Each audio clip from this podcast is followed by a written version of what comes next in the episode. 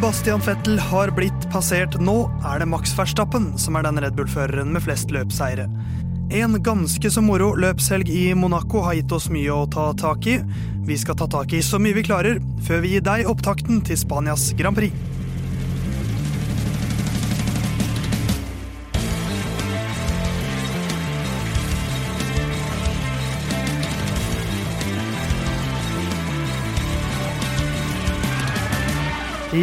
Sommervarmen, selv om vi ikke er i juni enda, så er det lyden av Curbs som slår tilbake med voldsom kraft. Akkurat som Monacos Grand Prix slår tilbake med voldsom underholdende kraft, kanskje. Ja, viser hvorfor det er kronjuvelen Ja. i, eh, i hva er det? Krona, Formel 1. Og Jon Halvdan er på som fy i dag, eh, for kron, får- kronjuvelen dine skal snart giftes bort. Uh, gifteklar og eh, kronjuvelklar. Ja, Det begynner iallfall å nærme seg. Ja, Jon Halvdan, hvordan går det med altså, Det kan jo godt hende at hvis du, kjære lytter, hører på dette på f.eks. lørdag, da, så er Jon Halvdan klar for å, si, for å gi sitt tja til sin Henriette. Ja, Det blir ikke så mye tja. Eh, jeg hadde jo da Et beinhardt nei. Eh, nei, ikke det heller. Eh, jeg hadde jo da Det er gøy at han ikke er Det er ikke, det er ikke noe å spøke med engang.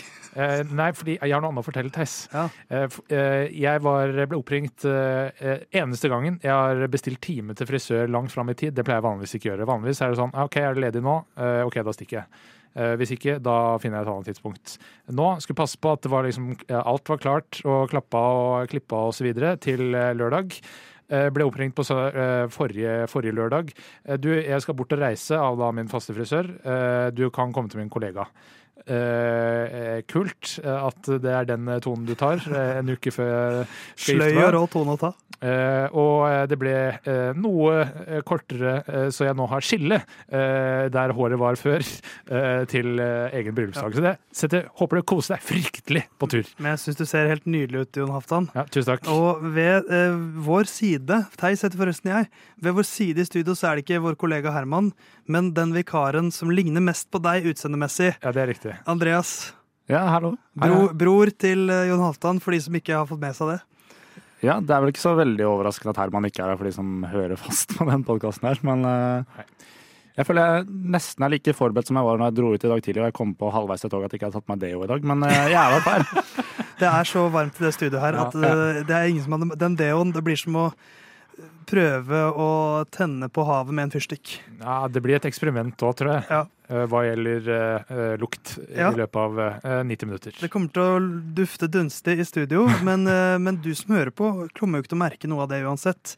Eh, Dagens sending kommer vi til å, vi kommer til å prate mye om Monaco, selvsagt. Vi skal prate litt om eh, Spaniens Grand Prix også. Mm. Monaco har vært, Spania kommer. Vi skal prate litt om Formel 2. Eh, Vi skal inn i Kimi Reikonens helg. Eh, For du, kjære lytter, har stemt på at det er Kimi Raikonen-tema som eh, skal være oppsummeringa i dag. Jeg har representert ved deg. Ja, så jeg har en slags eh, Det blir jo på en måte ikke så sportslig fokus, men jeg har en, jeg har en Kimi-basert greie. Ja, ja, men det, det funker sikkert fint, det. Så mye kan jeg si. Men du har vel noe 57-baserte greier òg, Om jeg, om jeg har noen 57-baserte greier. Jeg liker jo veldig godt å hekte tallet, episodetallet på en fun fact. Ja, det er noe du har påtvunget oss å høre på. Ja, men samtidig syns jeg det er litt gøy, fordi det gjør at man, eh, man oppdager deler av Formel 1 som man ikke hadde gjort på andre måter. Ikke det, gjør det. at, det gjør at jeg for eksempel har lært meg hvem Scott Speed er. Ja. Jeg lærer veldig mye av det selv også. Du som hører på, du kan også lære noe av det. Eh, Tallet 57, det har, og denne uka, noen ganger, så Handler det om Scott er Speed? er, Nei. Men denne uka så er det også en sånn uke hvor, jeg, hvor ting bare liksom Ja, det klaffa for meg. Der har vi den. Okay. Eh, episode 57. Eh, det har nettopp vært Monacos Grand Prix, og jeg har en fun fact om Charles Leclerc. Det er ikke verst. Nei. Eh, han har ledet 57 km totalt i sin karriere. I Monacos Grand Prix. Ja.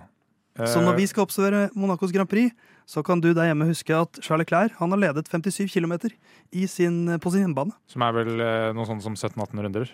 Ja, noe sånt. Så i 2022, da det gikk litt åt skogen, eh, da han selvsagt startet i pole position, men det gikk åt skogen, som det ofte gjør med Charles Ja. på hjemmebane. Eh, Herman er jo ikke her, men eh, til forskjell fra forrige uke så har han nå sendt inn litt forklaringer på hva han gjør. Ja. Så Herman, upåklagelig lydkvalitet selvsagt, her er hans forklaring. Ja, ja, ja. Herman her. Eh, akkurat nå på veistrekning E134, retning Kongsberg, klokka åtte om morgenen. Eh, og jeg er jo ikke med i dag, da. Eh, og det syns jeg faktisk jeg skal ha litt skryt for for en gangs skyld, for jeg får alltid så mye pes. Men denne gangen så hadde jeg tilbudt meg å stille opp på mandag. En annen i Curbs kunne det, en annen ikke. Da sa jeg OK, det er jeg som ikke kan i originaltida. Eh, så det, da, da tar jeg den. Da blir ikke jeg med nå heller. Selv om jeg gjerne skulle vært der.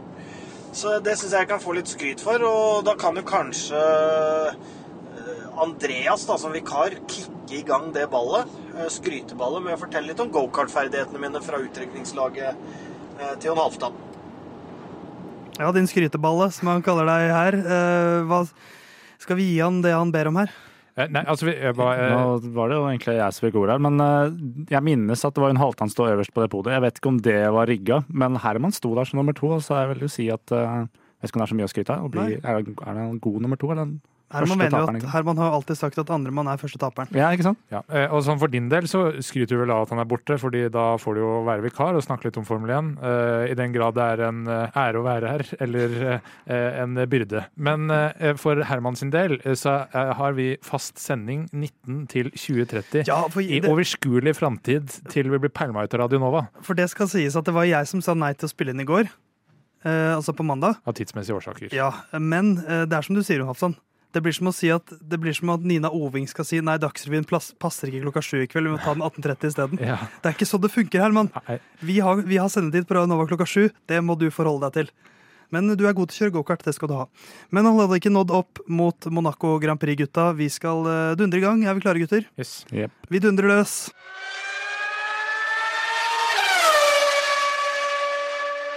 Monacos Grand Prix har blitt eh, kjørt igjen, og det blei jo et eh, riktig så fint Monacos Grand Prix, spør du meg. Vi eh, husker en kvalifisering som Max Verstappen var raskest i. Vi skal gå litt sånn dypere i, i hvordan ting var etter hvert, men Max var raskest i kvalik foran Alonso og Leclerc, og i løpet så Men så får jo Leclerc en gridstraff, og så er det Ocon som starter P3. Eh, og de tre ender jo da som noe 1, 2 og 3 i løpet også, eh, og så er det mye som har skjedd mellom kvalik og målgang. Eh, Hamilton nummer fire, Russell nummer fem, så følger Leclerc, Gasly, Science Norris og Piastri. Det er de som får poeng. Mens Lance Troll, for eksempel, han krasjer ut. Så kjapt oppsummert, det var liksom sånn resultatene ble. Men Jon, det var mye som skjedde her, men hvor ble løpet avgjort? Eh, altså, uh, i sin enkleste form, eh, sektor tre uh, i siste run i kvalik. Når Og det er litt sånn, det er lenge siden man har sett Max Verstappen måtte gi 100% men der var han tilbake igjen på 100 for han var vel borti alle vegger han kunne være borti på siste sektoren der. og henter noe sånn som to, to tideler. Eh, marginalt raskere enn Ocon i samme sektor, men han henter iallfall igjen den tida på eh, Alonso og tar pole position. Og i Monaco er pole position gull, så lenge man ikke roter det til strategisk, og det gjorde ikke Red Bull. Ja, det var et, eh, et løp det her som jeg føler var Monaco på sitt bedre. En Monaco på sitt beste, vil jeg si. Ja, jeg har ikke sett alle Monaco Grand Prix, så jeg kan ikke si det, men på sitt bedre. Det er det beste Monaco Grand Prix jeg har sett. Mm. Eh, Veldig gøy kvalifisering, og et løp hvor det faktisk føltes ut som det skjedde litt. Um, hva, hva, hva var? Hva var ditt høydepunkt fra helgen, eh, Andreas? Var det kvalik eller løp? Jeg er jo en kvalikmann, selvsagt. Ja, I løpet så må det være den forbikjøringa til Magnussen. Den er jo Jeg husker ikke hvilken, hva den svingen heter. Eh, hvor er vi omtrent på banen? Uh, altså, det er vel før den der seine sektoren, altså den der U-svingen. Ja, uh, på vei inn i raskas. Ja, på vei inn i raskas, ja. Den, eh, den var sånn Det sperra Ja, for det var der. Peres også kom seg forbi etterpå. Ja. det, er, eh, det er riktig. Ja. Og i kvalifisering så ja, det er vel den siste sektoren Ja. til Max som stikker seg ut eh, sånn spesifikt der. Ja, for kvalika, kvalika, som jeg kaller det nå, på rått. Kvalika. Eh, kvalika var eh, Jeg så den i opptak, og selv det var gøy. Eh, det, det var For for en kvalikmann som meg, så er jo Monaco alltid stort. Mm. For der er jo kvalik på en måte løpet. Eh, og det var, det var en, for en herlig Q3 vi hadde der. Som jeg følte den levde. Det, var liksom så, det har vært så Red Bull-preget i år. Ja. Eh, og da få en kvalik, som du sier da, hvor ja, Max Verstappen tok pole position foran Fernando Alonso, som er sånn ses- klær på, på Q3, nei, på P3. Det, det i seg selv, sesongen sett som en helhet, er jo ikke noen stor bombe. Men, men måten det skjedde på, det var uh, frysninger. Ja, og, og det er jo litt som i løpet òg, at hvis du bare ser på uh, griden uh, og podiet til slutt, så ser det jo veldig dølt ut. Men eh, Eh, Men den kvaliken, eh, track evolution, er jo et begrep som brukes veldig mye på de internasjonale sendingene som jeg ser på. Eh, Baneutvikling, som ja. man kan si på norsk. Ja, og det har jo med at det er jo ikke Til vanlig så eh, står folk i kø eh, når de kjører sine eh, Ford Fiestaer og eh, Eller få Ford Fiestaer kanskje i Monaco, eller Monte Carlo. Eh, det er vel mye, mye mer Lamborghinier osv., men eh, Lamborghini Diavolo, Ja. for eksempel. for eksempel. Jeg tror det, det blir en gammel bil nå, men eh, eh, Så det er en bane som hele tiden blir raskere, og det snakka vi jo om eh, forrige uke, spesielt i F2, da, hvor de deler opp i to eh, forskjellige heat eh, i kvalifiseringa. At eh, det må være en fordel å være i siste heat, for da er banen i best stand. Og det er jo eh, sånn i Formel 1-kvalifiseringa også, at det å være sist eh, i eh, Altså være den siste over målstreken kan bety at du er raskest, men du er også mer utsatt for rødflagg eh, og gulflagg. Eh, Eller eh, det at noen ligger i veien for det, eh, sånn som skjedde med Lando Norris eh, og Charlie Clair. Men mens eh, Max Verstappen var først, eh, så var en annen sist. Hei, Fredrik Skavlan. Checo Perez. Ja. Eh, karma er eh, noe eh, som noen tror på. Jeg tror ikke på det, så jeg skal ikke si hva som er hva. Men, men kvalik endte ikke så bra denne gangen for Checo Perez som det gjorde i fjor. Eh, han kvala P20, rett og slett. På, eh, han fikk jo satt en tid i Q1, men det var, ble jo da den svakeste tiden av alle, og han krasjet ut. Ja, det er vel Ocon som er på innsida der, som eh, Ja, og skal ut etter pit. ja, som forstyrrer han. eh, Men det er ikke en god nok unnskyldning. Altså. Ja, det er greit han er på en push-lap, push- men det må man tåle. Ja, det, men det er én unnskyldning i Monaco, Ja. hvor inntil hvis, Når du kjører kvalifisering, så er det du skal bremse ikke seinere enn siste bremsepunkt, og en liten sånn eh, forstyrrelse kan gjøre at man eh, bremser for seint. Eh, det gjorde det åpenbart i Peres tilfelle her, men det tyder også på at han eh, allerede tidlig er altså, virkelig på 100 Ja. Uh, og uh, konsentrerer seg kanskje bitte litt for mye om å kjøre bilen og litt for lite om det som skjer rundt seg. Uh, det er jo starten på en katastrofehelg for Peres, som nå er 25 poeng, ytterligere 25 poeng bak Verstappen. Så 144 poeng nå på Max Verstappen. 105 poeng på Peres, som får null poeng denne helgen. Andreas, dette, hva betyr dette for resten av eh, året? Det er litt eh, Det blir jo det er problematisk at King of the Streets eh, Ja. ikke kan melde seg på i det hele tatt. Han har i hvert fall siden han ble kalt det. Jeg vet ikke om han er det, men eh, Snap back to reality for, for Checo Perez. ja, han må jo i hvert fall spille på det han er god på, men du skal jo ikke bli så lett forstyrra helst i, på det nivået her, da, tenker jeg. Men selvfølgelig det er mange ting som skjer. Men i utgangspunktet så hadde han jo pace i nærheten av Verstappen, men i løpet også, så altså, Det er vel Magnussen han kjører inn i bak, og blir Det, det, blir så, det blir så sånn men, Hva var det han sa? Han, he brake-checked me, men han, mange som bare bremser ned for å klare svingen. Ja, han, var- han, var, ja, han var- han var litt uh, bremsa litt seint, så han var litt saktere enn det man vanligvis ville vært. Men eh, ja, kom igjen, da. det hadde jo, så- da gjør Magnus bare en liten tabbe. Det har jo ikke noe å si om Peres ligger der eller ikke. Nei. men, det, men det her er jo sånn som altså, Var det Sakir, hans første seier, hvor han etter første, første runde var helt sist? Ja. Uh, og det var jo et spesielt løp, men sånn i, i et vanlig løp som på en, van, på en, på en Formel 1-bane og ikke i noen bakgate, liksom, i en kasinoby, så hadde jo Tsjekko kjørt seg opp til P4, liksom. Ja. Ja. P5. Og når han skal liksom prøve Han vet jo hvor viktig det er å prøve å redde et eller annet fra det løpet her. Og da blir det jo, når du skal prøve å pushe, tvinge fram poeng fra P20 i Monaco Det blir jo sånn som det året hvor Leclerc var det første året hans i Ferrari, hvor han starta litt dårlig, fra litt dårlig posisjon i Monaco. og Herpa. hadde, hadde sånn tre-fire herlige forbikjøringer på de første tre rundene, og så fullførte han ikke. Ja, og punkterte underveis osv. Men Ja, så, så det er jo det Peres prøver på her, men han har, klarer det jo ikke. han er jo i utgangspunktet på en ganske god strategi, for de tar han jo inn etter runde Ja, ja, én og som er bytter fra medium til harde dekk og kommer seg forbi alle andre som går for samme strategi. Og så eh, blir det sånne der eh, tabber da, som å kjøre inn i Magnus nå, som, gir, eh, som blir veldig kostbare i, eh, for hans del, for da må han inn og pitte igjen, og da, da er han bare ute av det. Fordi han kjører ikke inn så mye tid.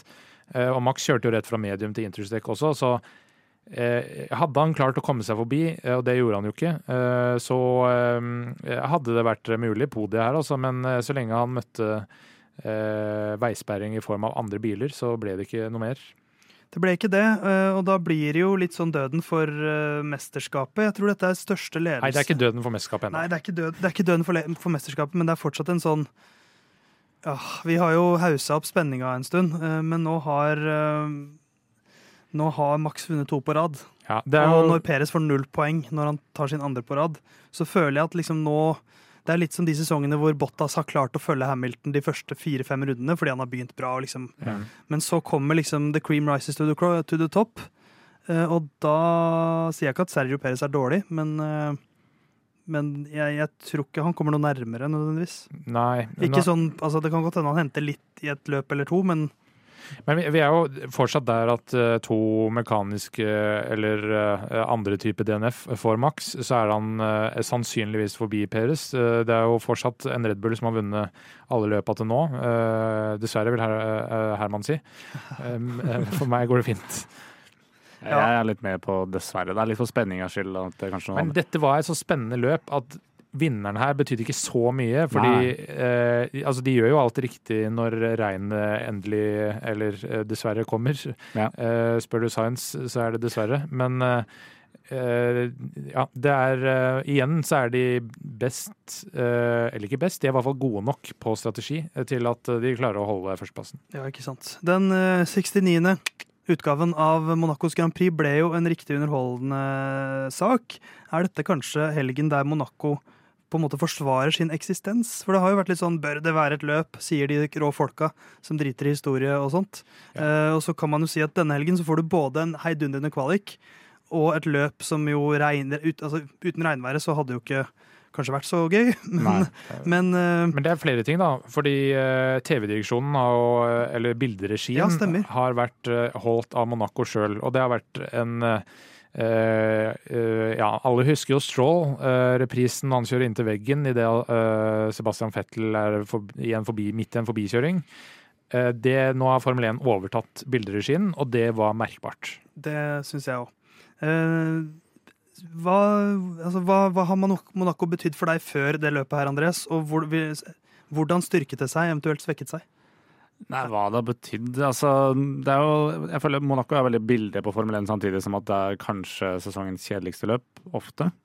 Men uh, for min egen del, altså Det her gir jo altså, mersmak. Sånne løp som det her er det som gjør at vi har lyst til å se. Ja. Det blir ikke, altså Monaco i fjor, da, den var, jeg husker ikke helt hvordan den var, men altså, tidligere så har jeg følt at det har vært sånn skikkelig kjedelig. Sånn, ja, kanskje de kan eh, få en undercut, liksom, men ellers er det ikke så mye det byr på. Ja, 20 2022 bydde ikke på så mye spenning, annet enn om eh, Leclerc skulle starte eller ikke. 2021, Ja. da hadde du uh, Hamilton eh, Men det, som det at jeg ikke husker det, er jo grunnen til at det er Ja, men Du husker dekkskiftet til Bottas i 21? Ja, det husker jeg. Det, men det er jo fortsatt ikke ferdig. Han står vel der fortsatt? og da Perez eh, kom forbi Hamilton via noe undercuts og sånn, og Mercedes begynte å bli redd for å fortelle hvor mange posisjoner han hadde tapt på den dårlige strategien deres, det er de to tinga jeg husker. Ja, Det Husker husker jeg jo når du sier det, men Ja. jeg husker ikke, det sitter ikke her framme, for at det var. Liksom det som var høydepunktet den sesongen. Kvaliken, det er det du husker fra Monaco. Men uh, vi skal uh, gå litt videre, og så skal vi la Herman få lov til å si hva han syns om Monaco.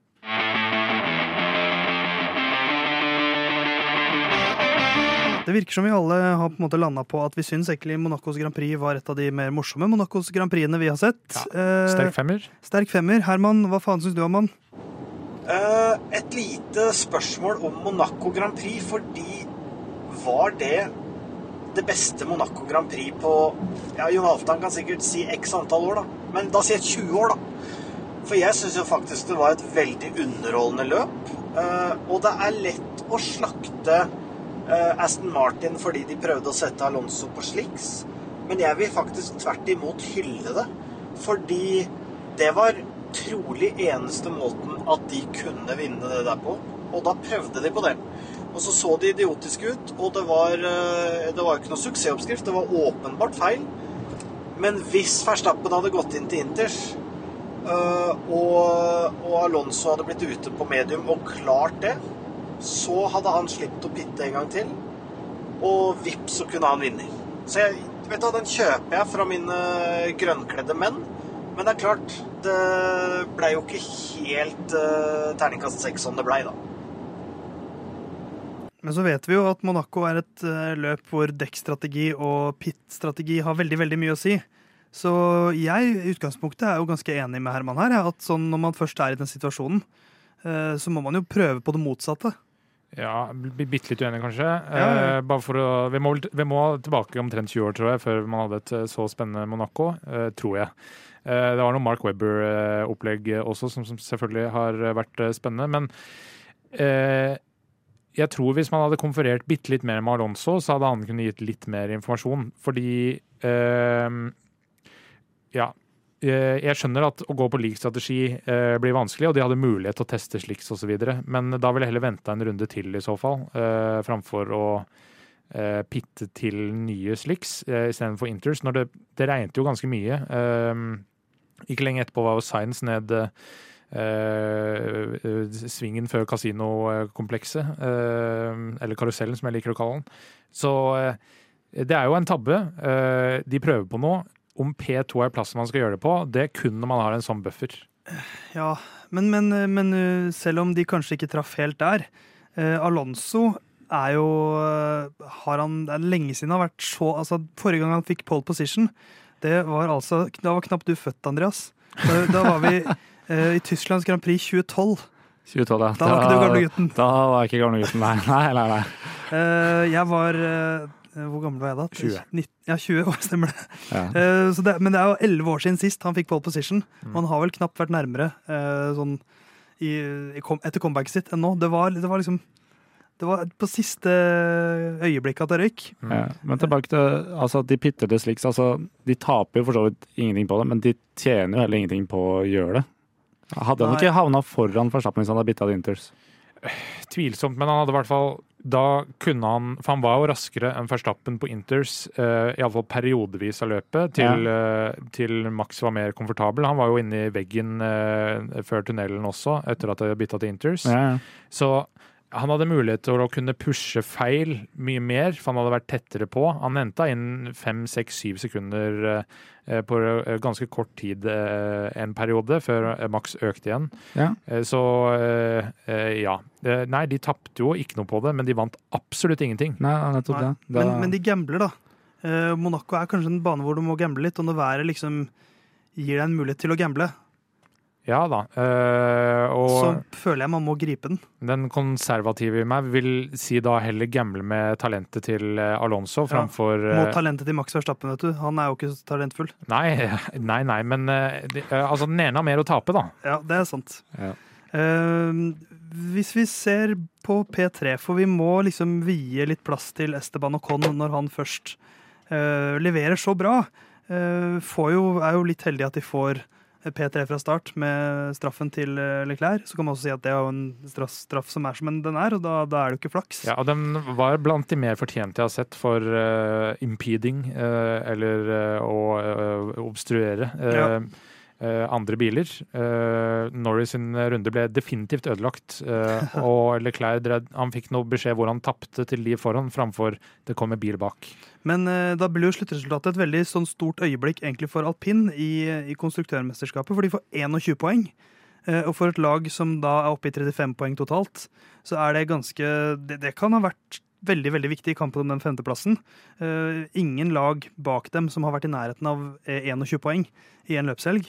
Uh, så når vi summerer opp til slutt, fordi at det virker som at i år så er de fire topplagene Da har du allerede topp åtte, på en måte, så det er jo ikke mange poeng i de fleste løpene her til lagene under dem. Eh, McLaren har nå 17 poeng, mens eh, alpin har 35. Eh, men Ocon, nok en gang jeg, jeg, jeg, har ikke, jeg har ikke alltid helt skjønt Ocon. Hva er det de ser i han? Nei, der, der er vi to.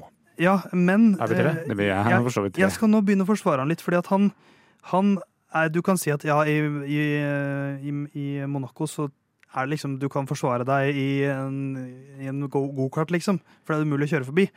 Men, men det er nok en gang så viser han at han kan kjøre veldig godt under press. Det har han vist et par ganger før også, hvor han har hatt raskere biler bak seg. Eh, Så har han klar, Han er en type som eh, jeg tror takler press veldig godt. Så uansett hvor man snur og vender på det, å ligge på tredjeplass i en alpin i et fuktig Monaco med Louis Hamilton bak deg uh, Riktignok ikke den raske Mercedes, raskeste Mercedesen noensinne, men han kjører jo relativt feilfritt. Ja, nei, altså man skal jeg, I et løp hvor veldig mange tabber seg ut. Ja, og jeg kimser ikke av det Ocon leverer her. Eh, så er det jo det at det må bli oftere av det her. Ja. Eh, og så er det jo klart at det hjelper på sånne resultater når man har eh, Mr. Rossi, i, CEO av Renault, som har trua uh, Otmar Staffenauer med utskiftninger av staben i alpin hvis ikke de leverer mer snart. 21 poeng i Monaco, det er å levere. Ja, det, det er definitivt. Og jeg, det, det, det, har vært så få altså, Hva er den beste løpshelgen til noen av de eh, nedre halvdellagene? Det er McLaren i Australia. Da blir det sjetteplass og åttendeplass. Ja. Uh, og kontrasten mot en tredje og en syvendeplass er ganske enorm. Ja, veldig. Så det er på en måte første løpshelgen egentlig i år hvor et av um, de lagene som ikke er topp fire, har faktisk vært helt der oppe. Uh, så det syns jeg er gøy. Og så syns jeg også vi skal nevne McLaren og Oscar Piastri. Eh, for i en helg der mange tabber seg ut, så leverer jo han eh, veldig jevnt og godt og tar, tar ett poeng eh, ved å bare ikke gjøre feil. For Sunoda tabber seg ut mot slutten, og da fiser han opp til tiendeplassen. Ja, han er jo et av de største talentene i de siste åra som har kommet til Formel 1. Iallfall ifølge jeg og deg, Theis. og er mer enn godkjent. Ikke sant. Vi begynte jo den praten her med å snakke om Aston Martin, men han andre føreren til Aston ja, Martin, han har jo et løp dette er løp nummer to. Ja, altså det er jo det er helt sinnssykt å se på. Altså, hvor mange ganger kjører han i ryggen i løpet av for, for nå begynner det altså, Veldig, veldig kort tid. Ja. Fernando Alonso, nå skal jeg bare lese opp resultatene. Tredjeplass, tredjeplass, tredjeplass, fjerdeplass, tredjeplass, andreplass. Det er en ganske god sesong ja. av Alonso. Hvis vi da, da må jeg se helt ned til sjetteplass, DNF. Fjerdeplass, syvendeplass, tolvteplass, DNF. Ja, og, det er kontraster her i Aston Martin. Og Miami var ganske katastrofalt. Eh, her er det på første runde Du vet når folk, du er på T-banen og folk trykker på deg gjentatte ganger på skoa. Det var det Lance Shaw drev på med på den første runda. For han var borti så mange biler. Eh, borti veggen. Eh, kjørte forbi på klumsete vis her og der. Han kom seg forbi noen, da, men jeg vet ikke om det er manglende forståelse av hvor ytterkanten på bilen er, eller hva det er. Men, ja. men uansett, har noen forbikjøringer, men det blir et Det er litt Verstappen for Red Bull etter at Daniel Ricardo forsvant, over det som Alonso må levere nå for Aston Martin. Ja, for, for hvis vi ser sånn prosentvis så er det ganske jevnt, altså, eller bare sånn plasseringsmessig også. Verstappen leder foran sin makker, Hamilton og Russell er tett på hverandre. Sainz og Leclerc følger hverandre i mesterskapet, og Con og Gasly er over hverandre. Norris eh, er ikke så langt foran eh, Piastri. Så det er liksom, Førerne ligger veldig pent plassert etter, etter eh, hvordan lagene deres har gjort det. Ja. Og så har du Alonso på tredjeplass og Stroll på åttendeplass, og liksom poengforskjellen eh, Fernando Alonso har mer enn tre ganger så mange poeng. Eh, og vi snakker nesten ikke om at Stroll er truet, og det er så rart, fordi vi vet jo at han ikke er det. Ja. Ja. Uh, men, men enhver annen fører som hadde levert det der Jeg har jo hata Nykter Friis i hele år. Ja. Men det er, jo, det er jo Lance jeg bør hate, men det jeg vet at det nytter ikke. Ja, det, er ikke noe, det er ikke noe hjelp i å snakke dritt om han, holdt på å si. Det er altså snakke han ned, for han sitter bånn fast i setet der. Og jeg, og jeg, har forsvart Lance flere ganger og sagt eh, liksom, når han kjører godt, så liker jeg å påpeke det, for jeg syns man ofte er litt strengere mot enn han fortjener. Ja. Men nå altså, Lance, nå gjør du ikke lett for meg. Nei, Han står for uh, Alonso uh, over tre fjerdedeler av poengene til Aston Martin. Ja, og det er ingen andre lag som har på en måte den forskjellen Nei. poengmessig. på uh, Så kan man si at han har vært litt uheldig og så bla, bla, bla, men ja. Han var ikke uheldig her, her var han udyktig. Kvalifiser bedre da, Lance. Ja. Så unngår du alt det problemet der som han havner i. Ja. Så, så Lance sliter, men jeg syns også vi skal svippe innom Ferrari, som har for vi, Jeg forventa jo mye av Leclerc her, og han kvaler jo egentlig fint. Men de var liksom så anonyme, syns jeg. Anonym. Altså, de hang ikke helt med. For meg så er det De sier at uh, For de blir jo liggende på sliks lenge. Uh, og de sier at nei, vi tapte ingenting, for på det tidspunktet så var det fjerde- og sjetteplass idet det begynte å regne. Ja. Bare med Science på fjerdeplass uh, og Leclerc på sjette. Og så bytter det om, vel, når løpet er over. Eh, fordi de velger å bli veldig lenge på uh, Slicks. Og når du hører radioen til uh, Science, så er ikke, det fremstår ikke som et harmonisk lag. For han er bare altså så utrolig rasende. Han driter i Hamilton, som ja. han sier. Han vil bare forbi Ocon. De driver på med sånne dummy uh, på boks, boks, boks opposite Ocon. To ganger gjorde de det. Ja. Og begge gangene så var det jo også åpenbart bløff. At det er sånn Jeg skjønner ikke helt Igjen skjønner jeg ikke hva Ferrari driver på med. Det er ikke sikkert de skjønner det selv. Eh, men har vi tippa så jævlig mye bedre, da? Eh, skal vi titte på det? Det kan vi titte på.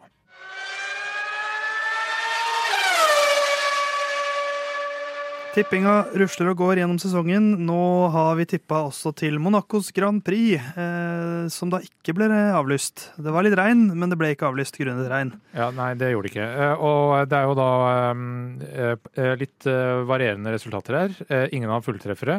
Nei, for vi tipper topp tre, og så tipper vi ukens sjuking. Ja, og bare for å gå gjennom det, da. Topp tre, riktig person på riktig plass, tre poeng. Feil person, eh, eller riktig person, men på feil plass, men på podiet, ett poeng. Og så har vi også ukens sjuking, som hvis den går inn, og den skal være vanskelig for at den går inn, det gir 20 poeng. Jeg tippa Alonso P1, Verstappen P2 og Science P3. Det ble halv-halv eh, bom, eh, som gir eh, to poeng. På Eh, sporet av noe. Eh, På sporet nå, men ikke helt der. Theis han tippa Leclerc, Peres Verstappen. Det det, er bom, bom, halv. Eh, Så har vi da Ole, gjest eh, forrige uke. Eh, Han tippa Alonso, Leclerc, Verstappen, som gir to poeng. Og Herman tippa ikke forrige uke, så vi ga han uka før, eller årets før tipping. Ja, det han tippa til Monaco i fjor. Ja, Leclerc, Verstappen, Russell. Det gir ett poeng. Ja. Eh, og så, eh, for å gå over til da ukens sjuking. Jeg tipper at Charles Leclerc krasja i alle sessionene, som fører til minimum ett pitstop. Eh, den går ikke inn. Eh, Theis hadde uh, Sainz sette Ja, Paul og det, det var det krasje med. Alonso i løpet, så begge DNF-er. Jeg hadde jo på en måte, jeg hadde Alonso der jeg ville ha han, Ja. som var P2. Men jeg hadde ikke Science der jeg ville ha han. Ja, eh, og eh, Ola hadde da eh, Eurovis Eurovision eh, Song Contest-vinner. Eh, Lorraine, eh, Lorraine Lorraine. Lorraine eh, vifte med det rutete flagget, eh, og Herman hadde Kygo viftet med det rutete flagget. Det var Tom Holland, eh, Spiderman-skuespilleren, som vifta med det rutete flagget. Så for øvrig en av de beste flaggveiverne jeg har sett eh, Ja. på lenge, som virka både engasjert i, på banen og selve flaggveivinga. Ganske mye bedre enn fjorårets. Det husker jeg faktisk Serena Williams som flagga, Ja. skulle veive med flagget der i fjor. Eh, Det var helt forferdelig flaggveiving. Ja. Men eh, det gir jo da en eh, totalscore. Gjestene Igjen skal jeg prøve å normalisere det her, men jeg kan ikke bare gange det med antall løp, fordi det, da vil de få flere og flere poeng. for Ole var jo den første gjesten som tippa Ja, i år. Men normalisert til nå. Jeg skal finne en bedre form på det. Hvis noen har et godt forslag, send det inn. Eh, gjestene 14 poeng, etterfulgt av Herman med 17 poeng, Theis 24 poeng og jeg med 27 poeng. Ikke sant? Eh, vi skal tippe litt mer, men det kommer seinere. Det kommer seinere. Uh, først må jeg bare nevne at det er fint at når en nederlender vinner, så er det Tom Holland Ja, som vifter med flagget. er riktig. Jeg, også det var veldig, jeg vil anbefale alle å bare google Tom Holland flagg. og så er det veldig søtt at når, For han vifter jo og står og vifter, og så kommer Louis Hamilton forbi. Og så snur han seg, Louis! og så vifter han seg selv i fjeset. Da mister han fokus litt. Eh, og så vil jeg også anbefale alle å google Adam Driver uh, Indy 500. For Indy 500, som er det største løpet i Indycar, Var det helga? eh, det var nå i helgen. Adam Driver, som eh, spiller i Star Wars-filmene. Kylo Ren. Er, vel, er, er ikke Girls han er best kjent fra? Jo, kanskje, men jeg er nerd, så jeg kjenner han best som Kylo Ren. Ja. Men fantastisk eh, flaggveiving. Han hadde riktignok mer plass til veivinga Ja. enn Tom Holland, men det der, det var bra flaggveiving. Så over hele linja, veldig bra flaggeveiving. så skal vi tippe mer senere i sendinga, knytta til Spanias Grand Prix. Men jeg har jo et løfte å oppfylle. For vi, har, en- vi hadde en avstemning på Instagram etter løpet hvor vi hadde tre kandidater. Charles Leclerc, eh, Fyrst Albert, den andre, Ja. eller Kimi Raikkonen. Som da er en slags oppgave hvor en av oss skal oppsummere helga eh, på, eh, som en person, på en måte. Er veldig fri, fri eh, kreativ frihet. Ja, Så jeg har tatt meg den kreative friheten. Fri oppgave. Ja, For det er jeg som skal gjøre det denne gangen. På omtrentlig ett minutt, men det er ikke så Nei, jeg gir faen i minuttet her. Dette blir mye mer enn det, tror jeg. Jeg klarer aldri å holde meg til tidsrammer. Nei. Eh, men Dumt vi tok bort eh, tidsgrensa på deg, da. ja, Kimi Raikkonen er, er den som vant avstemningen. Eh, Han er jo kjent, veldig kjent for Monacos Grand Prix, hvor han en gang da ikke fullførte, og så gikk det en halvtime, og så ble han avbildet i yachten sin. Ja, I Det finnes, ja, det finnes også bilder der han går om bord i yachten i, iført hjelm osv. Så, videre. uh, så uh, jeg har egentlig ikke Dette skal ikke handle om idrett. For jeg, jeg har egentlig sett for meg at jeg jobber i baren på yachten til Kimi Raikkonen Okay. og har laget en slags barmeny. Med disse drinkene kan du få om bord i yachten til Kimi Raikon. Ja. Eh, Spennende. Så jeg ser for meg at jeg er en slags bartender. Eh, og så skal jeg egentlig bare lese opp menyen for dere, og så kan jo dere, Andreas og Jon Halvdan, følge litt med og si er det en, er det en drink her dere har litt ekstra lyst på. Ja. Så jeg har ti drinker, så dette, det, er bare, det, er bare, det er bare å henge med. Ja. Og baren heter eh, Bono My Sobriety Is Gone. Eh, rom, limesaft, sukker, klubbsoda og litt mynte, så får du en eh, Mo Overheato. Eh, sleng oppi noe frukt, litt spansk rødvin, litt sukker, litt brandy og litt klubbsoda, så får du Sangria de Vot, som er denne svingen i Monaco. Eh, vodka, Kalua, sukkerlake og en dobbel espresso pluss tre-fire kaffebønner for litt eh, garnityr. Da får du en Espresso Williams Martini Racing, som er det gamle lagnavnet til Williams. Eh, noen som kanskje husker den gamle japanske Formel 1-føreren Takumo, eh, Takuma Sato. Hvis du tar litt tequila, appelsinjuice og grenadinsirup, da får du Tequila Sato Sunrise. 400 gram frosne jordbær, 1 dl sukker, 1 dl vann, en lime, litt rom og litt, kanskje litt vodka. Strawberry Dakar i Ja. får du da. Enkelt og, enkel og greit for deg kanskje, Andreas. Cava og blandevann. Aperol Science. Frister den. Eh, vodka, limesaft, ingefærøl og litt grann bensin. Da får du Moscow Fuel. Ja, ja, ja. Den sitter, den. Eh, den er ganske enkel. Det er bare en shot med rom. Formula rom. Ja. Det er ikke verre enn det. Eh, sleng oppi litt eh, vodka, kaffelikør, eh, krem servert med litt is i et gammelt glass. Da har du uh, The Masterpin, som egentlig bare er en White Russian. ja, ja, ja. Uh, og helt til slutt så har du en cocktail da, som består av lik del champagne og appelsinjuice, som er en eh, kimimosa. Nei, det er, ikke, det er ikke dumt, det der, altså, Theis. Det er noe. Eh, jeg vet ikke om det er noe som fister her, eller frister Aperol Science, Moscow Fuel. 400 gram eh, jordbær hørtes utrolig mye ut i en drink. Ja, Strawberry Dakari. Ja. Hva med kimimosa? Det er kanskje min favoritt. Tequila Sato Sunrise, det synes jeg altså jeg jobber Ja, bra den, med. ja, den synes jeg er fin. Den, eh, fin den, altså. Eller bare Espresso Williams Martini Racing. Ja. Beste livery, eh, mener noen. Eh, men da Jon, du skal få en Espresso Williams Martini Racing. Ja, tusen takk. Og så på deg, Andreas, så blir det en Moscow Fuel, tror jeg. Nå skal fylle herlig. Litt bensin der, det er fint. Eh, hva sier man? Ikke bon appétit, men skål, kan vi si. Skål. Og så den, denne var til deg, Kimmi.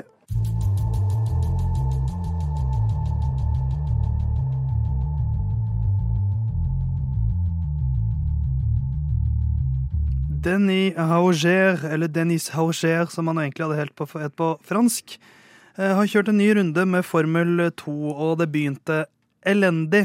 Vi kan ikke si det på noen annen måte enn som så.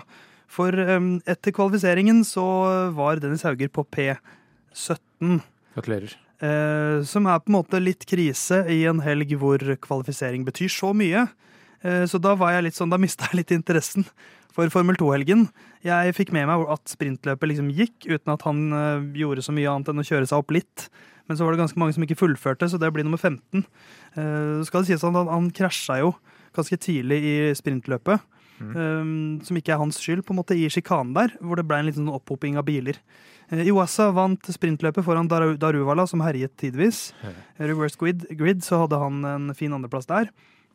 Mens i hovedløpet så vinner Fredrik Westi fra pole position. Men det blir ganske mye endringer bak der. Victor Martins, som hadde P2, han ble bare nummer åtte. Han fikk en drive-through. Jeg tror han nesten drept eh, banemannskapet. Eh, Er ingenting lov lenger, da. Nei, ingenting er lov lenger. Fy søder. Men, eh, men Westi vinner foran Pocher, Maloney, Versor og så Denis Hauger. Fra P17 til P5.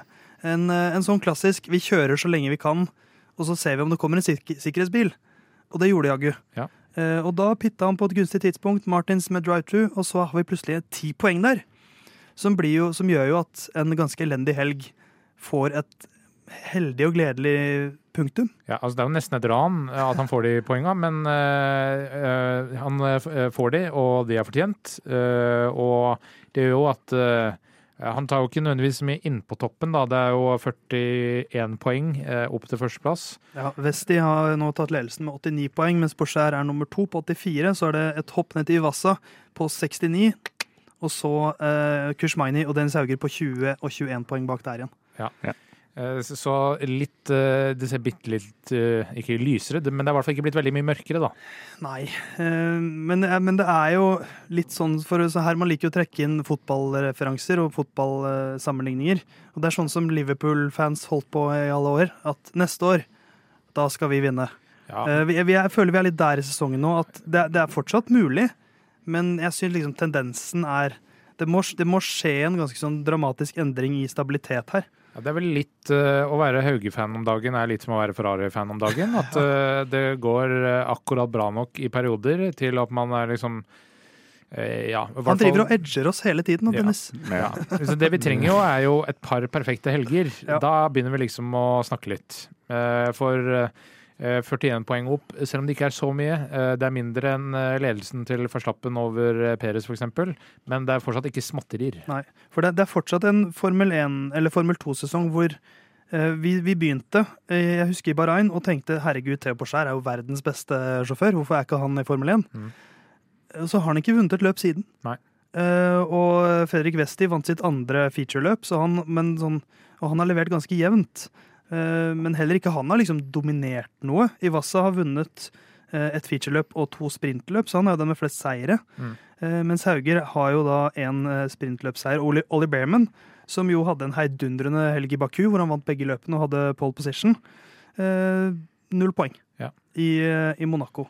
Og Dennis er jo nå liksom Han ligger jo fortsatt posisjonert godt nok til at han kan vinne det her. Ja. Til nå har han jo poeng i hver løpshelg, Ja. eh, og det er jo eh, noe. Eh, selv Westi har ikke det. Nei. Eh, det skulle bare vært litt flere hver helg.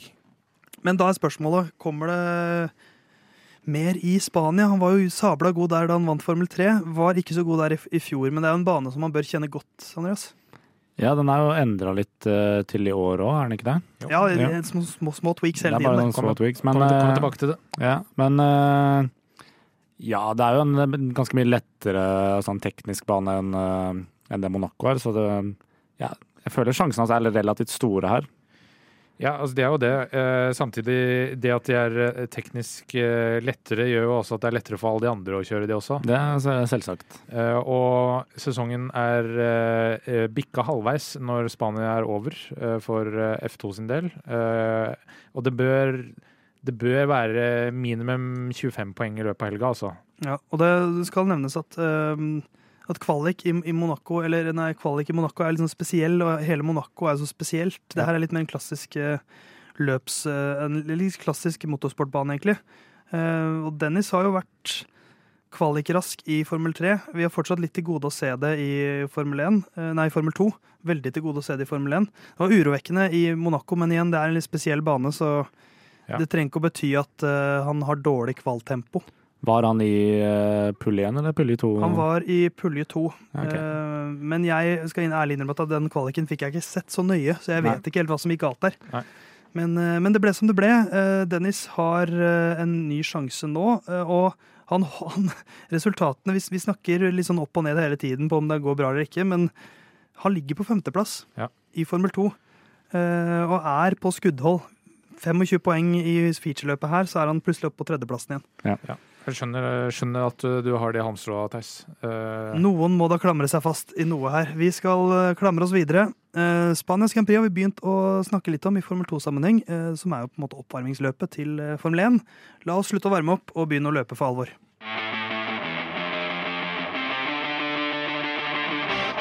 Det er jo litt trist og, og leit og synd at når vi skal prate om Spanias Grand Prix, så er ikke han her som elsker det løpet mer enn noen andre. Herman Borgstrøm er jo den eneste i Lyden av Cup som har vært i Spanias Grand Prix. ja, kjenn, eh, Favorittløpet hans. Ja, favorittløpet hans, rett og slett. Eh, Men Spanias Grand Prix er jo et, eh, et langt og historiepreget løp, mm, som de siste tiåra har vært veldig preget av Mercedes. Louis Hamilton tok sin første seier der i 2014.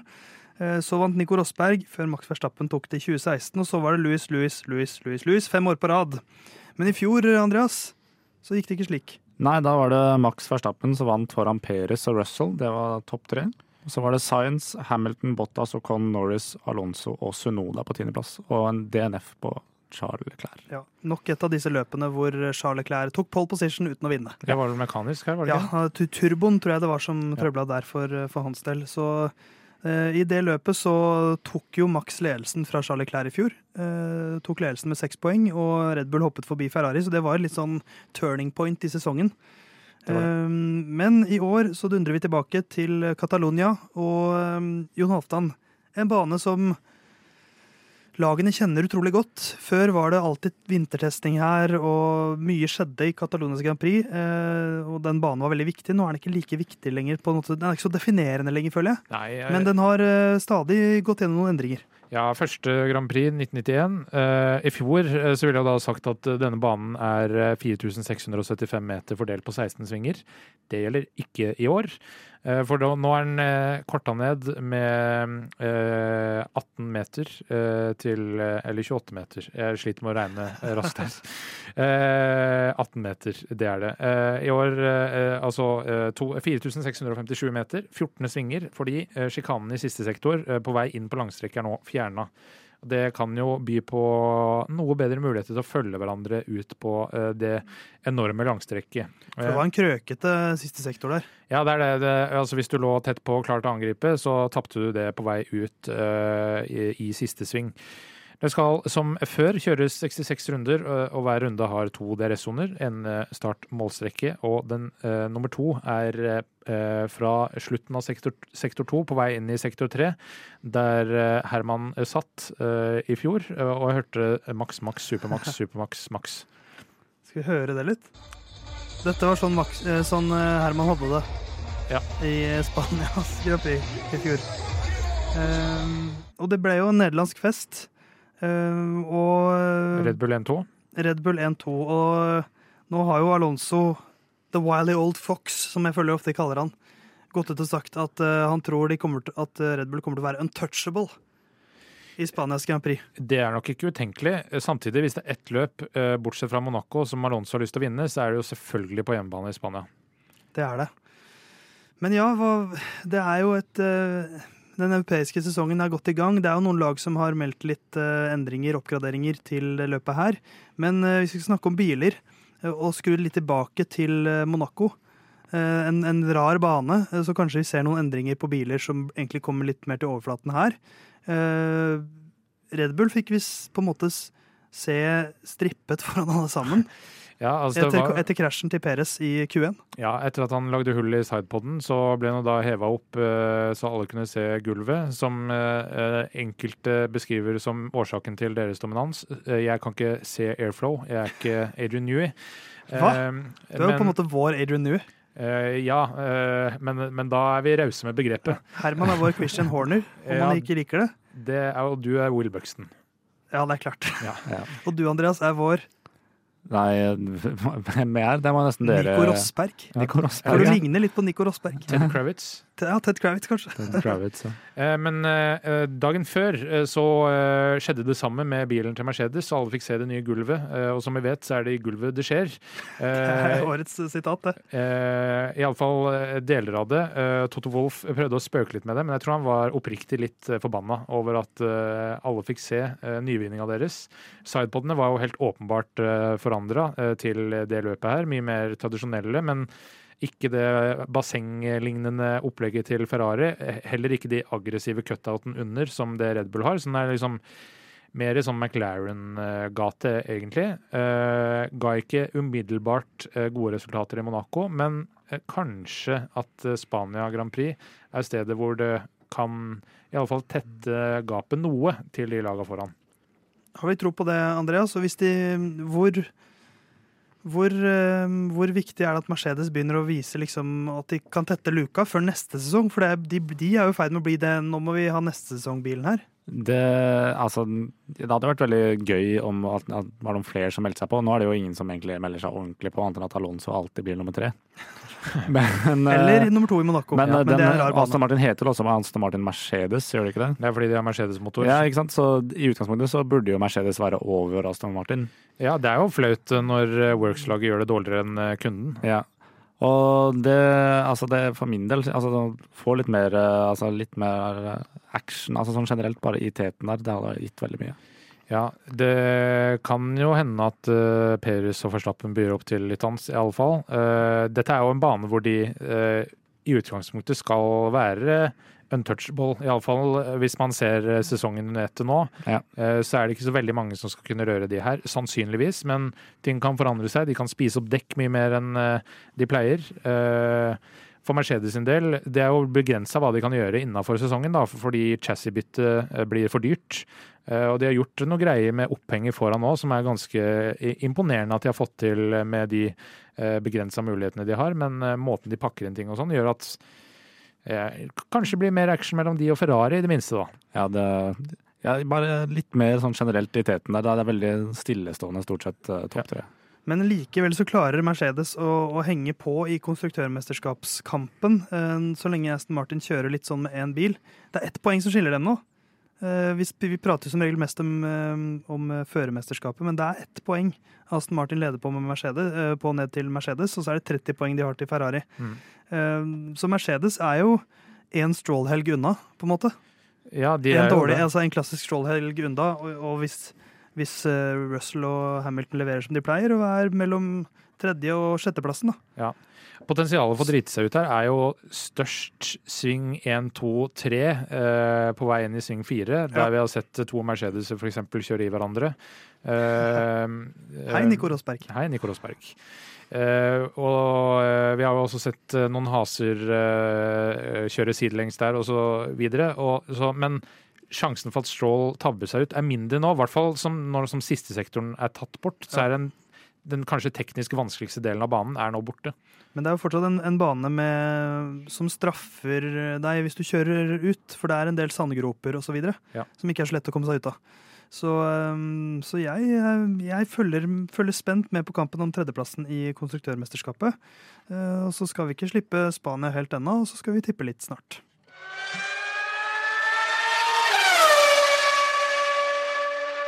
Spanias Grand Prix det er eh, mange billøp som skal kjøres. Formelbasert eh, racing på flere nivåer. Vi skal tippe rundt eh, den øverste delen, nemlig Formel 1.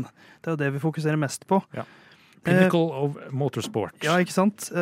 Som de liker å kalle det selv. Vi skal da tippe de tre beste, topp tre, og som er det samme. Ikke sånn ikke topp tre, top tre, top tre og de tre beste, det er det samme Nei. greiene. Og da det vi kaller Ukens sjuking, som er noe sjukt som skal skje i løpet av helgen. Ja, og Vi liker jo å kalle dette verdens største sirkus. Det er Formel 1-opplegget. Eh, Og jeg tror at eh, i verdens eh, største sirkus i Spania, så er det Max Verstappen som vinner, etterfulgt av hjemmefavoritt Fernando Alonso og hjemmetalende favoritt Perez. Ikke sant? Så uh, Verstappen, Alonso, Perez. Eh, Riktig. Hva har du lyst til å levere her, Andreas? Det var et lite øyeblikk jeg var redd for at det skulle være kopi av min eldre bror, men eh, jeg, jeg hadde gått for, eh, og ikke overraskende, Max Verstappen som eh, nummer én. Ja. Fernando Alonso som eh, nummer to. Men eh, så har jeg satsa på at, eh, som i fjor, at Mercedes blir nummer tre med Louis Hamilton. Ikke sant? Jeg har gått for en eh, Catalona Rundt-variant hvor Eller ikke Catalona Rundt, det er et sykkelritt. Catalona Grand Prix-variant hvor eh, det blir null overraskelser. Verstappen, Perez, Alonso. Ja. Men eh, det blir jo, den, den går kanskje ikke helt i hop med min, ikke, min, min ukens sjuking, men det kommer jeg tilbake til. Um, så skal vi få fra Herman i ei smæle etterpå, tror jeg. Ja. Eh, eller skal vi la han begynne, for så, så kan han også levere sin ukens sjuking. Ja, det er egentlig fint. Ja, Herman, Her er Hermans topp tre og hans ukens sjuking. Når det gjelder uh, topp tre, så har jeg ikke rekt å tenke sånn altfor mye på det, det skal jeg innrømme. Men jeg må jo bare kaste ut noe, og da er det uh, ta, ta, ta, ta, ta. Ja, det blir Verstappen, Perez, Alonso, da. Så original er jeg. Eh, og ukas sjuking, det blir eh, at Mercedes vinner. Så det går ikke helt overens med topp tre, men at eh, Mercedes vinner. Hvis dere trenger å spisse det til, som jeg syns vil være surr og rør, så får dere gjøre det, men da, men da, da ligger den der i hvert fall. Da ligger den der i hvert fall. Vi driver vel ikke på med noe annet enn surr og rør, vi, Theis? Nei, vi er to surrete og rørete folk. Ja, for vi aksepterer vel ikke en halvgardering? Eh, hvordan sier Mercedes vinner. Ja. Nei, jeg, jeg, syns, jeg syns da må, det, da må vi involvere den andre, begge Mercedes-biler på noe vis, kanskje. Eller Mercedes eh, 1-2, kanskje? Eller uh... Mercedes representert ved noen vinner, er eh, akseptert av meg. Så da er det å velge mellom Hamilton og Russell. Ja, Så vi må si at én av dem vinner. Ja, Eller altså spesifisere hvem av de som vinner. Skal vi eh, Oi, det som var gøy nå, det ser ikke du i, som hører, hører eh, egentlig, men de to brødrene i studio de hadde altså en helt synkron bevegelse. hvor de klødde seg i hodet helt samtidig og bevegde hår- håret sitt. Det var ukens sjuking for min del. Eh, så det har vippet, det har vippet meg av pinnen. Ja. Men nei, hvem av dem som vinner? Skal vi telle til tre, si det samtidig, og så den som har flest. Ja. Én, to, tre. Russell. Hamilton. Da ble det Hamilton. ble det. Louis Hamilton vinner. Ja. Den skal du få, Herman. Og den tror jeg faktisk han vil være litt fornøyd med også. Det tror jeg. Ehm, Jeg kan, skal du følge opp, Jon, kanskje med ukens sjuking, siden du begynte å tippe? Det kan jeg gjøre. Eh, det blir ingen safety car i løpet, som gjør at Max Verstappen kommer til å lappe alle bilene, unntatt Perez og Alonso. Alle bilene, unntatt Perez og Alonso. Ja, altså opp til topp fire, Ja. eh, forutsatt at det er ingen safety car. Altså eh, det, det er todelt her. Den er, den er jo det, jeg, før, før du slipper unna med den, Jon, så skal jeg gå tilbake og se på fjoråret. Eh, nå husker ikke jeg om det ble noe sikkerhetsbilde av, men da lappa eh, Verstappen elleve biler. Topp åtte var på, var på liksom vinnerens runde. Um, ja, så vi kan ta med Peres der òg, for å gjøre det ekstra ydmykende. uh, nei, men, ja, men hvis, han, hvis, han, hvis han klarer å lappe alle bortsett fra én, da. Eh, for, for nå ser jeg litt tilbake, og det er liksom det er ofte, sånn, det er ofte ikke mer enn seks-syv biler. Seks, syv- altså mellom seks og åtte biler på Ja. vinnerrunden. Så, så hvis vi sier Men hvis vi tar avstanden her, da, så er det Altså, han er ganske langt unna topp tre. Russell var 32 Ja, ja, ja. sekunder bak. Og årets f- Catalonia GP er også en litt raskere runde, men sånn, det er jo egentlig fordel for han. Lettere å kjøre forbi, det er riktig. Eh, nei, vet du hva, hvis, du, hvis vi sier topp to Ok. Så Før du sa topp tre. jeg sa topp tre. Ja, men da Ja. sier vi topp to. Så tighter vi det litt til. Ja. Det lot jeg da ta Men da spesifiserer jeg ikke hvem av de der. Det Nei, det alle er, det bilene er fair. unntatt uh, andreplass. Ja, og, og premisset er også at hvis det kommer én safety car, da er ja, det ja, er vi ute. Ja. Andreas, hva vil du? Ja, jeg har jo en litt søkt en, men eh, liker vi. ja, at uh, Lance Stroll blir kjørt ut av Yuki Sunoda av damekrangel. Godkjent allerede. Ja. Jeg var usikker til å begynne med, men Og det hvor der er eh, Lance Stroll prøver seg på samme dame som Snoda og går inn med argumentet at ja, faren min er rik, liksom, så du er- bli med meg istedenfor. Er det noe historikk her? Nei, det var, jeg, jeg bare søkte om noen av de hadde dame, sånn så vidt det var, men jeg kunne ikke finne noe, så det var sånn Eh, så bare, bare kort oppsummert her nå. Uh, Stroll kjører ut Blir kjørt ut av altså, hissigproppen Sunoda, for han er jo kjent for å være litt hothead. Eh, av damekrangel. Ja. Jeg elsker sånt, for altså, bevisbyrden her ligger jo på deg, Andreas. det det. Så du må klare å bevise, hvis Ja, ja, ja. dette skjer, at, og det ikke kommer ut, eh, at, at det er det som er grunnen. Eh, min er mindre humorbasert. En av mine mindre humorbaserte ting eh, er at det ble ikke, ikke noen spansktalende poeng. Ingen spansktalende poeng. Så Så- da er det Peres uh, Sainz, og Alonso. Alonso. ingen av dem på poeng. Ja, så sjansen er jo li... Men det er jo mange, da. Ja, det er det. Det, er- det, er- det, det krever at uh, Eller de er ikke så mange. Det er bare tre. Ja, men det er også tre som har tatt poeng i nesten hvert eneste løp. Det er jo tre som kjører i de tre av de fire raskeste bilene. Alonso har jo tatt det i hvert løp. Eh, skal vi si og en spansk DNF, da. Eh, Spansktalende DNF. Ja, det kan vi for å tighte det litt til, ja. Ja.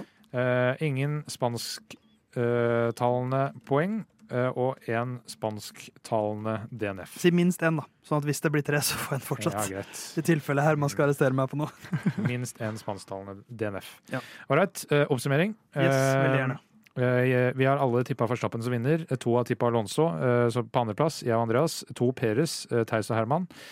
Uh, Theis og Herman er enige om at Alonso uh, fullfører på tredjeplass. Andreas tror det er Hamilton, og jeg tror det er Peres. Ukens sjuking. Eh, jeg eh, mener eh, at det blir ingen safety car i løpet som gjør at Max Verstappen kommer til å lappe alle bilene, unntatt andreplass. Andreas tror at Stroll blir kjørt ut av Sunoda pga. en damekrangel.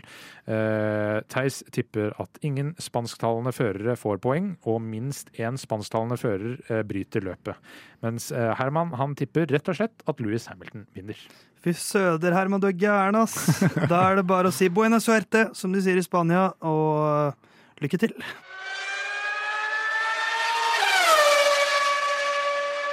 Lyden av Curbs nærmer seg slutten for denne uke. eh, Og når vi treffes her neste tirsdag, Halvdan, så er ikke du her. Det er ikke jeg her. Men da er du også en gift mann. Det er riktig. Sannsynligvis, hvis uh, Henriette sier ja. Ja, Og du sier eh, ja. Og at vi begge signerer papiret. Ja. Eh, det er jo, jeg har hjulpet med noen sånn visumsøknad på jobb, eh, og der er det eh, status eh, er bare todelt. Det er singel eller gift. Eh, jeg har Ah, vært, til nå vært singel ifølge dette visumsøknadsskjemaet. Går over i gift eh, på lørdag Ja. hvis alt går som det skal. Herman er jo som regel gift i podkasten, Ja. i, i en annen betydning. Han er giftig. Eh, ja, han er giftig i podkasten. Eh, men han eh, får komme tilbake, så får vi se hvem som blir, blir vikar til uka. Men når du skal gifte deg, Jon, Ja. så har man jo alltid en forlover når man gifter seg. Og da slo tanken meg hvem ville du hatt som forlover av Formel 1-feltet i år? Ja, og siden vi da er Det er tre menn her, iallfall mer eller mindre, ja. så eh, eh, er jo krava litt mindre, kanskje, enn hvis du har brudekjole og Ja, eh, sant stelling og bla, bla, bla. Det er jo gjerne to ting. Eh, være god på å arrangere utdrikningslag eh, og være en god støtte med eh, en eh, rolig eh, tilnærming og tilstedeværelse under selve dagen. Er vel de to kriteriene jeg vil si er viktige. Så Yuki Sunoda er utelukket, for min del. Eh, jeg vet ikke hva slags fester han arrangerer, men Du- han er ikke spesielt rolig. Du er vel veldig klar for Nyk de Vries, er du ikke det, Ja, Theis? Det er alltid digg å ha en du kan banke opp i bryllupet ditt. Nei, vet du hva? Jeg, første tanken min var jeg kan ikke ha Første tanken min var jeg vil ha Charlie Clair, men så tenkte jeg neste at han ville jo outshine meg med å være den klart kjekkeste mannen i det bryllupet. Ja. Men det kan man jo si at eh, også hvis jeg går for f.eks. Carlos Sainz, så kommer han også til å være og bare Fernando Alonso, en sånn gammel spansk løve som skal sprade rundt og danse flamenco med alle damene. Ja. Da er jo ikke, da, da er ingen som kommer til å se på meg. Nei. Eh, Hvis vi uh, bare uh, Vi skal velge en fører her til slutt, men uh, jeg ville slått et slag for Jean-Pierre Lambias. Jeg er litt usikker på uttalen på Ja. etternavnet hans, for jeg har hørt mye forskjellige varianter. Han er alltid rolig på radio, gir de, kun de beskjedene som trengs, og han har et hårfeste som jeg kan sette i skamme. med. ikke sant? Vakkert. Ja, men han er jo ikke en fører, da. Det er det ikke. Jeg, altså jeg, jeg tenker også, jeg er jo norsk. Det blir, det blir jo litt sånn skandinavisk eh, vibe. Eh, Kevin Magnussen vil jo på en måte ta humoren i bryllupet som jeg ønsker meg. Ja. Men uh, samtidig som ballehumor, vet ikke helt. Uh, Bottas har jeg valgt så mange ganger på sånn som det her at Ja. han kan jeg ikke gå for. Jeg må nesten eh, bare kikke litt på førerlista. Ja, Men, jeg- men å- jeg har, eh, har du en favoritt, Andreas? Ja, jeg er jo ikke Altså, jeg, det er vel blitt nevnt her før at jeg er en gamer. Det ble vel sagt første gang jeg var med at Herman syns jeg var den beste COD-spilleren jeg har hatt med, men det er, nå er, tror jeg faktisk jeg ikke er det lenger, for nå har jeg spilt så lite av det spillet. nå, er Men jeg, eh, nå er jeg den beste. ja, det er mulig. Herman men, er den eh, beste hvis han kunne spilt på PC. For da kunne ja, han blitt proff. ja, hvis han kunne spilt på PC. Men eh, da er jo Lando Norris fort eh, altså min type fyr, da. Ja, For meg, ja, jeg, jeg, jeg har svaret. ok. Eh, God på å arrangere fest. Kommer til å fungere bra både i talemessig og holde en rolig. Alexander Albon. Vet du hva, han var også min mann.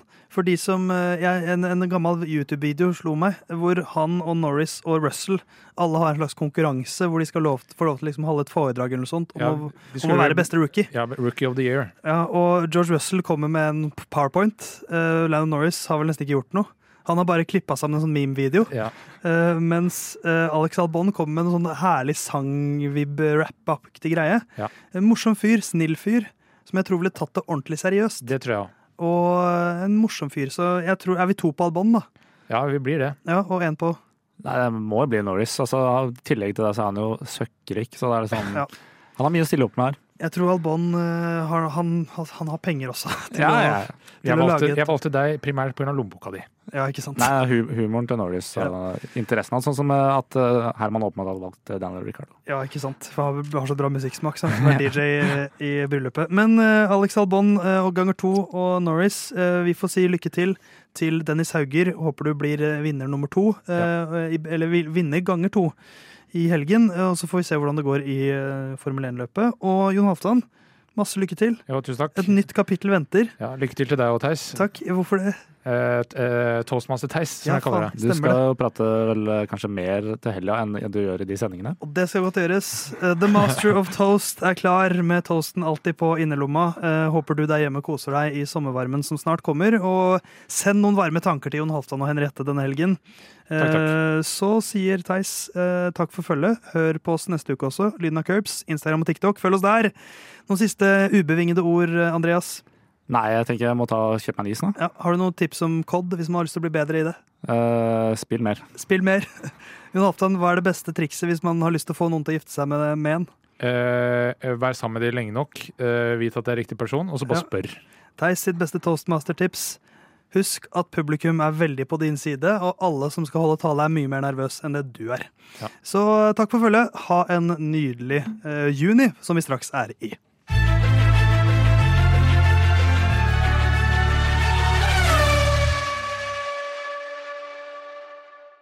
Good luck this weekend, Stroll. Thanks.